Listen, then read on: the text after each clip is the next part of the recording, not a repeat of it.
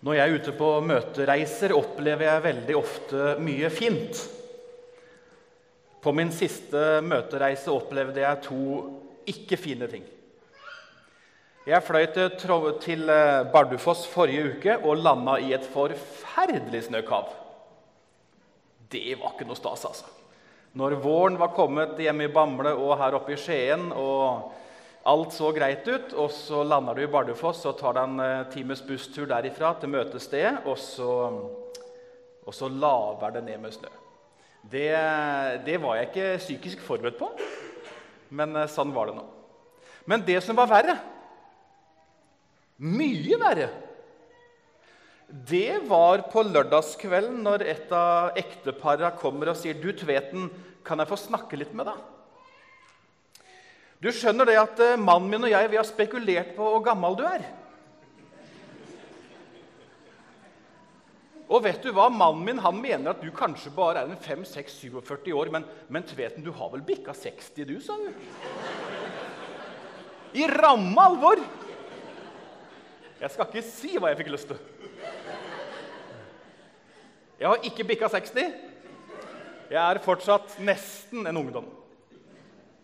Jeg sa du må høre mer på mannen din, sa jeg. Han hadde rett i den sammenhengen. i hvert fall.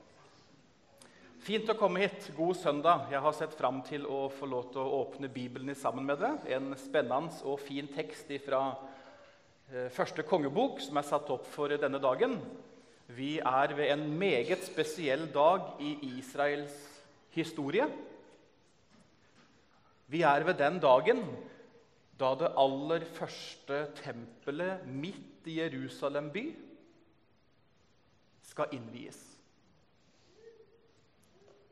Det er fest, det er glede, det er jubelrop, og det er en ydmykhet og en avhengighet av himmelens Gud som har stelt det hele i stand for dem. Gode Jesus, takk at du samler oss også denne formiddagen. Takk for alt det vi har fått se, takk for alt det vi har fått høre og oppleve så langt i formiddag. Gode Jesus, må du velsigne alle barna som sto her framme, og også de som satt i salen. Herre Jesus, kan du stryke dine naglemerka hender over den enkelte. Til bevarelse, til frelse og til ei vandring med deg, Jesus.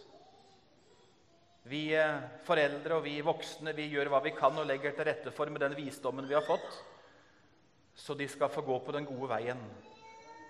Men Herre Jesus, det er dine naglemerka hender som må strykes over deres liv. Og det er du som må komme der med alt hva du har. Og det ber vi om kunne få være sant, både for de vi har fått sett her i dag, og for ungdommene som har vokst opp og vokser opp her i denne menigheten så ber vi om at vinden fra den evige verden også kunne få møte våre liv denne formiddagen. Amen. Første kongebok, kapittel 8. Og der står det sånn ifra vers 27. Første kongebok, kapittel 8, ifra vers 27. Men Bor da virkelig Gud på jorda? Se, himlene og himlenes himler rommer deg ikke. Hvor meget mindre da dette huset som jeg har bygd? Men du vil likevel vende deg til din tjeners bønn og til hans ydmyke begjæring, Herre min Gud og høre det rop og den bønn som din tjener bærer fram for ditt åsyn i dag. La dine øyne være åpne over dette huset dag og natt. Dette stedet som du har talt om og sagt, mitt navn skal bo der. Hør den bønn som din tjener ber. Vent mot dette sted. Du vil høre på din tjeners og ditt folks Israels ydmyke begjæring, som de bærer fram, vendt mot dette sted. Ja, du vil høre den på det sted hvor du bor. i himmelen. Du vil høre og tilgi. I Israel har det stått to flotte, spektakulære bygninger som Gud har gitt tegning på, og som mennesker har utført og satt opp. To templer i Jerusalem som har stått omtrent akkurat på det stedet der Klippemoskeen står i dag, og der Jesus en dag hang på et blodig kors for dine og mine synders skyld. To tempel. Jeg vet ikke om du har kontroll over de to templene. Eh, jeg tenkte å begynne med en svært kort og veldig komprimert historietime. Det første tempelet det er det Salomo som bygger. David, faren, hadde tenkt å gjøre det, men Gud sier nei. Du kan legge litt til rette, David, og du kan ordne til litt, men du skal ikke bygge det. Det skal sønnen din Salomo gjøre. Og i år 960 står det tempelet klart. Det første tempelet. 960 før krybba og før Betlehem. Nesten 1000 år før Jesus kommer. Og det er et enormt bygg. Det skinner i gull. Det er overdådig på alle vis. Og det er gjort på Guds tegning og Guds beskrivelse. Det tempelet det sto i 370 år. Det første tempelet det sto der oppe på høyden i 370 år. Helt fram til år 586, når babylonerne kom og inntok byen, og, og fangenskapet til, til Babylon skjedde. Så ble det tempelet revet, og så går det noen tiår, og så bygges det et nytt tempel. Serubabels tempel. Det andre tempelet i historien som har stått på høyden i Jerusalem by. Da kommer Serubabel tilbake, og da kommer Nehemia tilbake og flere andre. Og så begynner de å bygge opp igjen tempelet. Ikke fullt så flott. Ikke fullt så sprangende og noen av Bibelens forfatter kommer med noen setninger som det kan tilsynelatende se ut litt vemodig at ikke dette siste ble, ble fullt så fint som det første. Men likevel her skulle Gud være. Og her skulle Gud møte sitt folk og være til stede. Og så bygde de på det tempelet i 20 år og det sto ferdig i 516 før Kristus. Og det var jo det tempelet som sto der langfredag, første påskedag og Kristi himmelfartsdag og ennå 40 år til. Og så har vi en kar som heter Herodes, som eh, også pynta litt på det andre tempelet og gjorde det ja, noe flottere og også til dels litt større. To tempel. Og så er det mange som mener at det en dag skal bygges et tredje tempel. Det skal ikke jeg gå inn i i formiddag.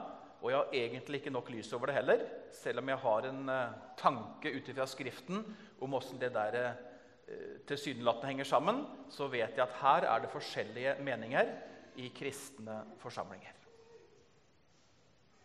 Teksten vår i dag den er altså henta ut ifra innvielsesdagen når det første tempelet sto ferdig i år 960 før Kristus. Nå skjer det som folket har venta så lenge på. Nå blir paktens ark ført inn i tempelet. Paktens ark inn i det aller helligste. Og nå er det altså noen få mannfolk som befinner seg inni det aller helligste noen få minutter. Og det er vel den eneste gangen i verdenshistorien at det har skjedd. For så fort paktens ark, ark var blitt båret inn i det aller helligste bak forhenget, så pila de mannfolka ut så fort de kunne, før Guds ånd og Guds nærhet kom og og fylte det rommet. For eh, der hadde Gud vært veldig tydelig. Han hadde sagt at eh, ikke noe menneske kan komme inn i det aller helligste. Det mennesket som går inn der, det vil dø. Der er mitt nærvær og min hellighet så sterk. Kun én gang i året skal ypperste presten gå inn der. Tremosebok 16, den store forsoningsdagen, Jom Kippur. Ypperste presten inn med blod én gang i året for å sone for sine synder og for å sone for folkets synder. Tenk å raske disse mannfolka som var med og bar inn denne paktens ark, kom seg ut igjen. For de visste noe om at somla de for mye der inne, så lenge at uh, skya og gudsnærværet fylte rommet, ja, da kom de til å ligge døde på bakken. Folket de har aldri sett maken til tempel. De løfter sine hender imot himmelen, og så ber de noe av det som er teksten for denne dagen. Men bor da Gud virkelig på jorda? Se himmelen, og himlenes himler rommer deg ikke. Hvor meget mindre da dette huset som jeg har bygd? Men vil du likevel vende deg til din tjeners bønn og til hans ydmyke begjæring, Herre min Gud, og høre det rop og den bønn som din tjener bærer fram for ditt åsyn i dag? Det er litt av et spørsmål han kommer med til Gud i form av bønn. Bor da virkelig Gud på jorden? Ja, det er litt av et spørsmål. Vi vet jo han, hvor han i vår tanke mest hører hjemme. I det høye og i det hellige. Bor du virkelig på jorden? Gud den evige her nede?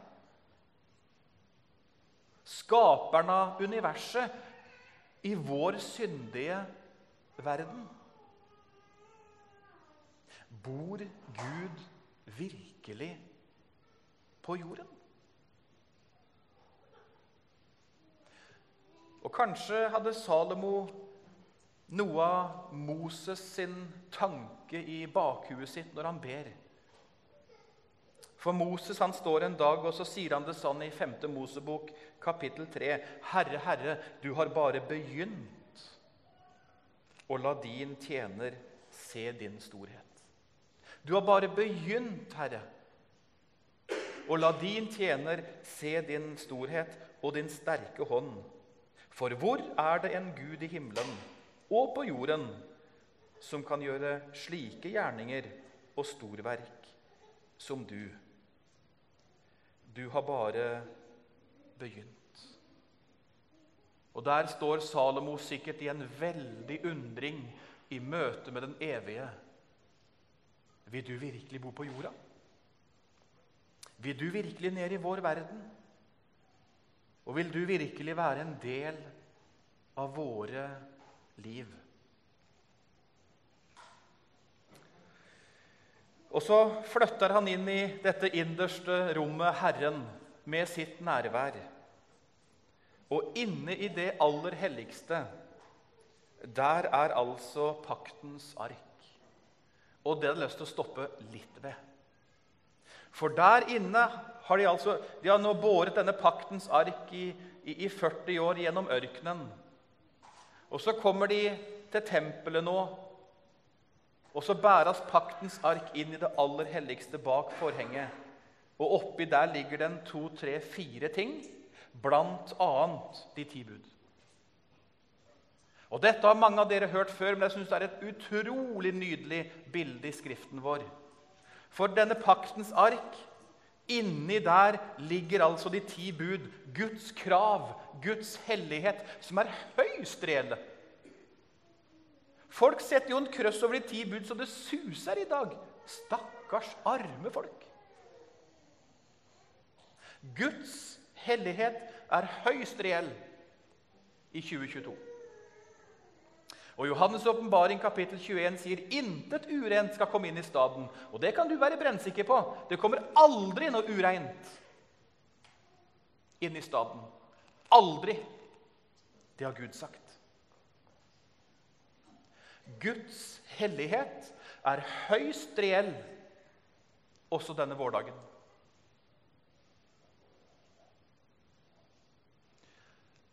Men det flotte For der inne i paktens ark, og der de ti bud ligger, der er nådestolen oppå. Og denne ene gangen i året skulle ypperstepresten inn. Og hva skulle han gjøre? Han skulle ha med blod. Og skulle han stenke blod oppå den nådestolen, oppå det lokket, og så skulle blodet renne ned over denne paktens ark, og så skulle blodet dekke de ti bud. Og så skulle blodet flyte ned på en sånn måte at når Gud kikka ned, ja, så så han en fullstendig tilfredsstillelse. En fullstendig oppfyllelse, for blodet var løsningen.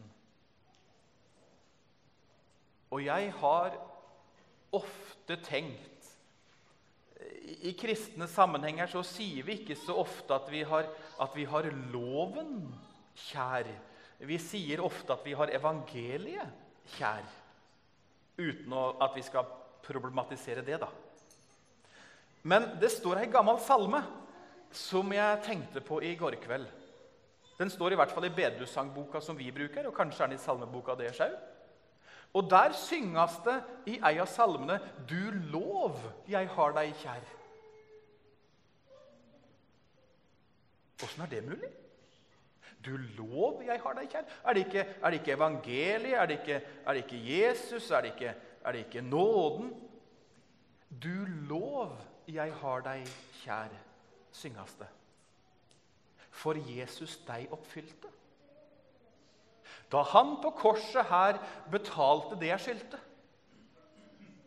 så våger noen seg med lovens strenge bud og kreve mer av meg. Jeg sier det til Gud. Det kalles sladresangen i bedehusland. Jeg sier det til Gud. Hvis du krever mer av meg nå Jeg vet at jeg leverer ikke deg hva du ber om, og jeg evner aldri å ta meg nok sammen. Og jeg får ikke til kristenlivet mitt som jeg skal, og det du ber meg om, evner jeg ikke å levere deg. Men jeg har det i Sønnen.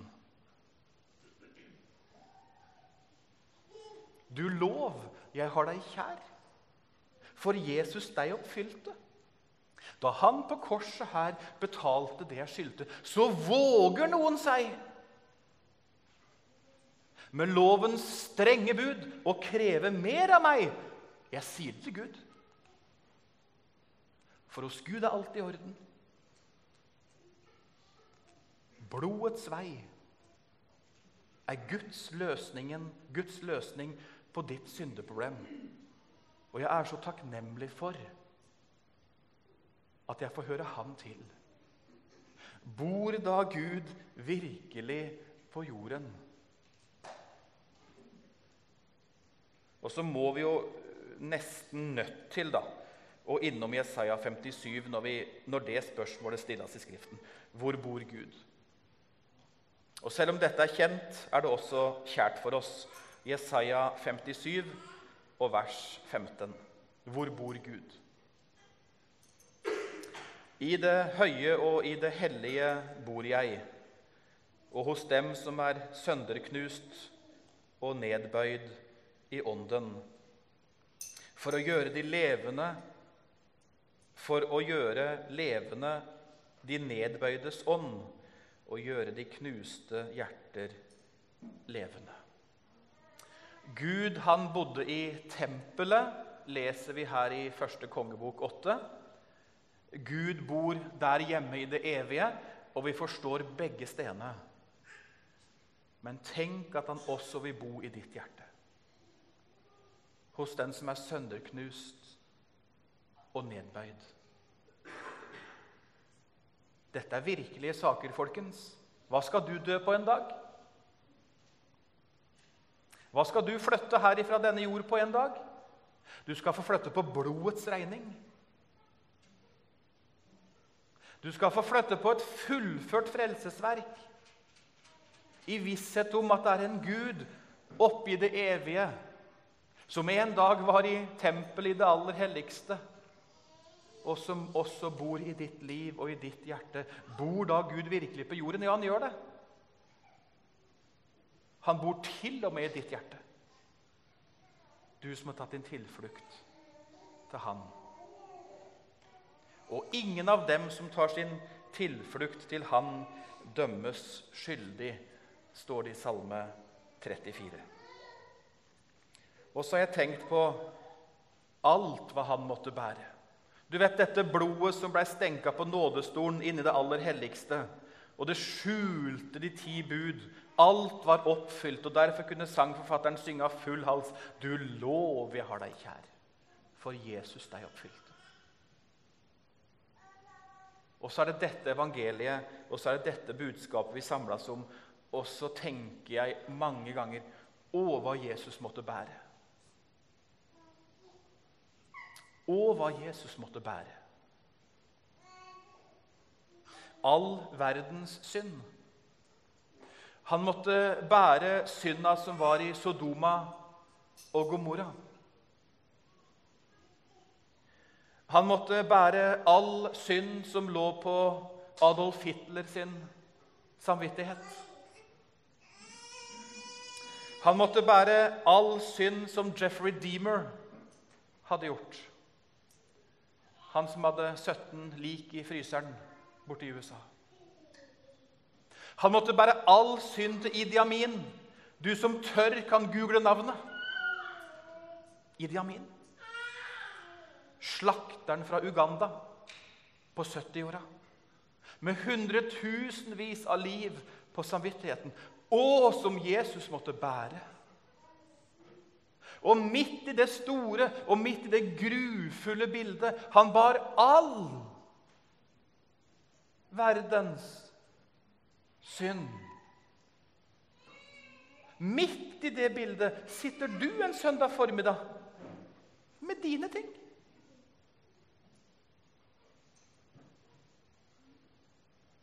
Med dine ting.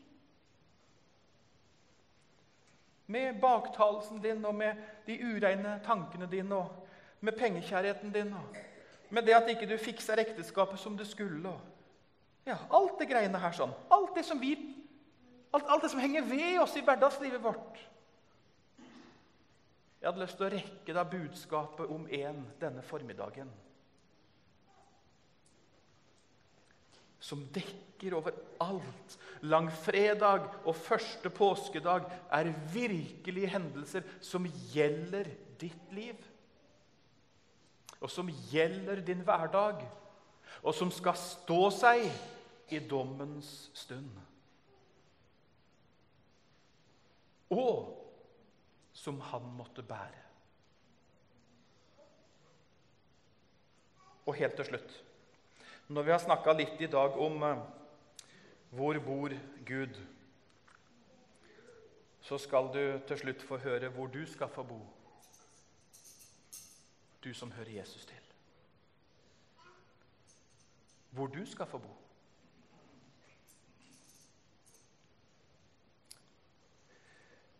Jesaja 32, 18. Et flott ord. Jesaja 32, 18. Mitt folk skal bo i fredens bolig. I trygghetens telter og på sorgfrie hvilesteder. Tre uttrykk som Jesaja bruker og profeterer fram i tid, som handler om det stedet du skal få være på i all evighet. Fredens bolig. Trygghetens telter. Og på sorgfrie hvilesteder. Og i det siste har det det siste uttrykket blitt utrolig godt for meg. For jeg kjenner på sorg over mange ting. Både et stort bilde i verden Jeg kjenner på sorg over veldig mye av det som skjer i Norges land i disse dager. Vi springer om kapp bort fra Guds ord. Og jammen kjenner jeg på sorg for eget levd liv, som så ofte var så delt. En dag skal jeg få bo på sorgfrie hvilesteder. For en dag! For en dag! Slutt på alt vondt. Slutt på alt nedbrytende. Slutt på alt i sinnet mitt og i tanken min som drar meg bort.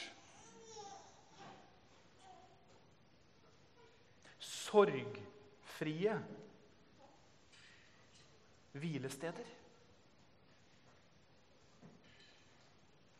Jeg skal synge en sang nå.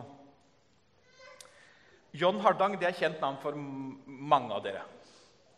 Eh, han sto på en bibelkonferanse for eh, noen få år siden nå. Og eh, han er jo veldig god venn med Hallis Reigstad, som har skrevet masse nydelige dikt. Og John Hardang mista si mor. Og så mista Hallis Reigstad sin mann på omtrent samme tid. Og så forteller John Hardang om det på, et, på, en bibelkonferanse som de har borte på, på Vestlandet. Og Haldis sitter i salen, og så sier John bare denne ene setningen De har fått ei ny adresse. Og Morgenen etterpå så kommer Haldis Reigstad med dette diktet. De har fått ei ny adresse. De har reist føre. De har kommet til sorgfrie hvilesteder. Og nå har de kommet til det stedet som de aldri skal forlate. Jeg har lyst til å synge den sangen for deg.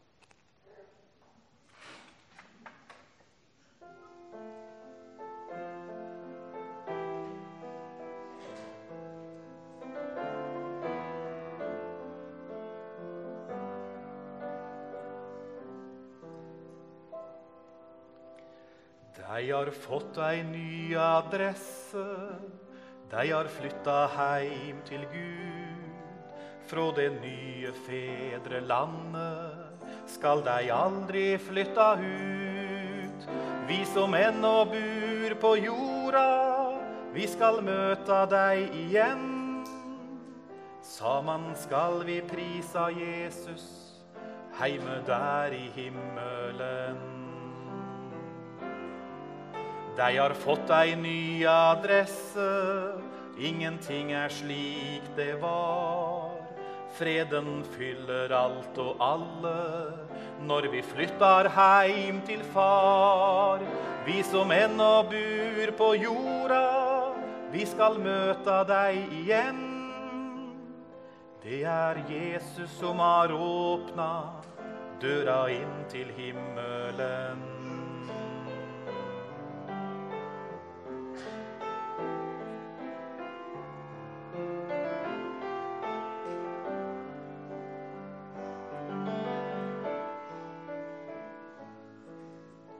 De har fått ei ny adresse, de har stridd den gode strid. Der hvor inga rose visnar, skal de bu til evig tid. Vi som ennå bur på jorda, vi skal møta deg igjen. Og vi veit at snart for oss og vi adresse himmelen. Vi som menn og bur på jorda, vi skal møte deg igjen. Og vi veit at snart får oss og vi adresse himmelen.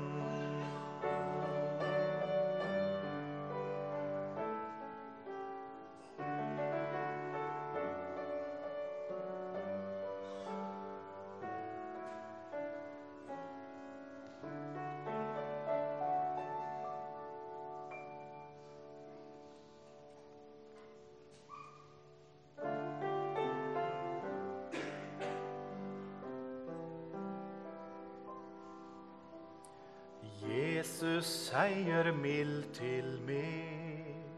Nåden min er nok åt deg. Han har gjort meg glad og fri. Nåden kan eg kvila i. Jesus seier mild til meg. Nåden min er nok åt deg.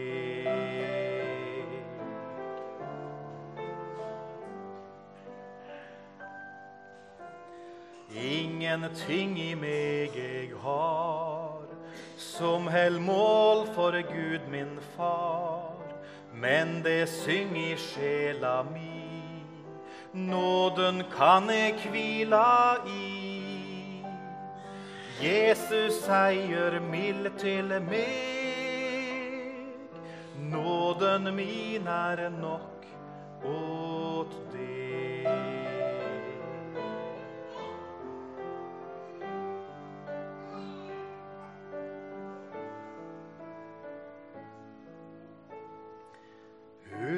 Under krossen vil eg stå,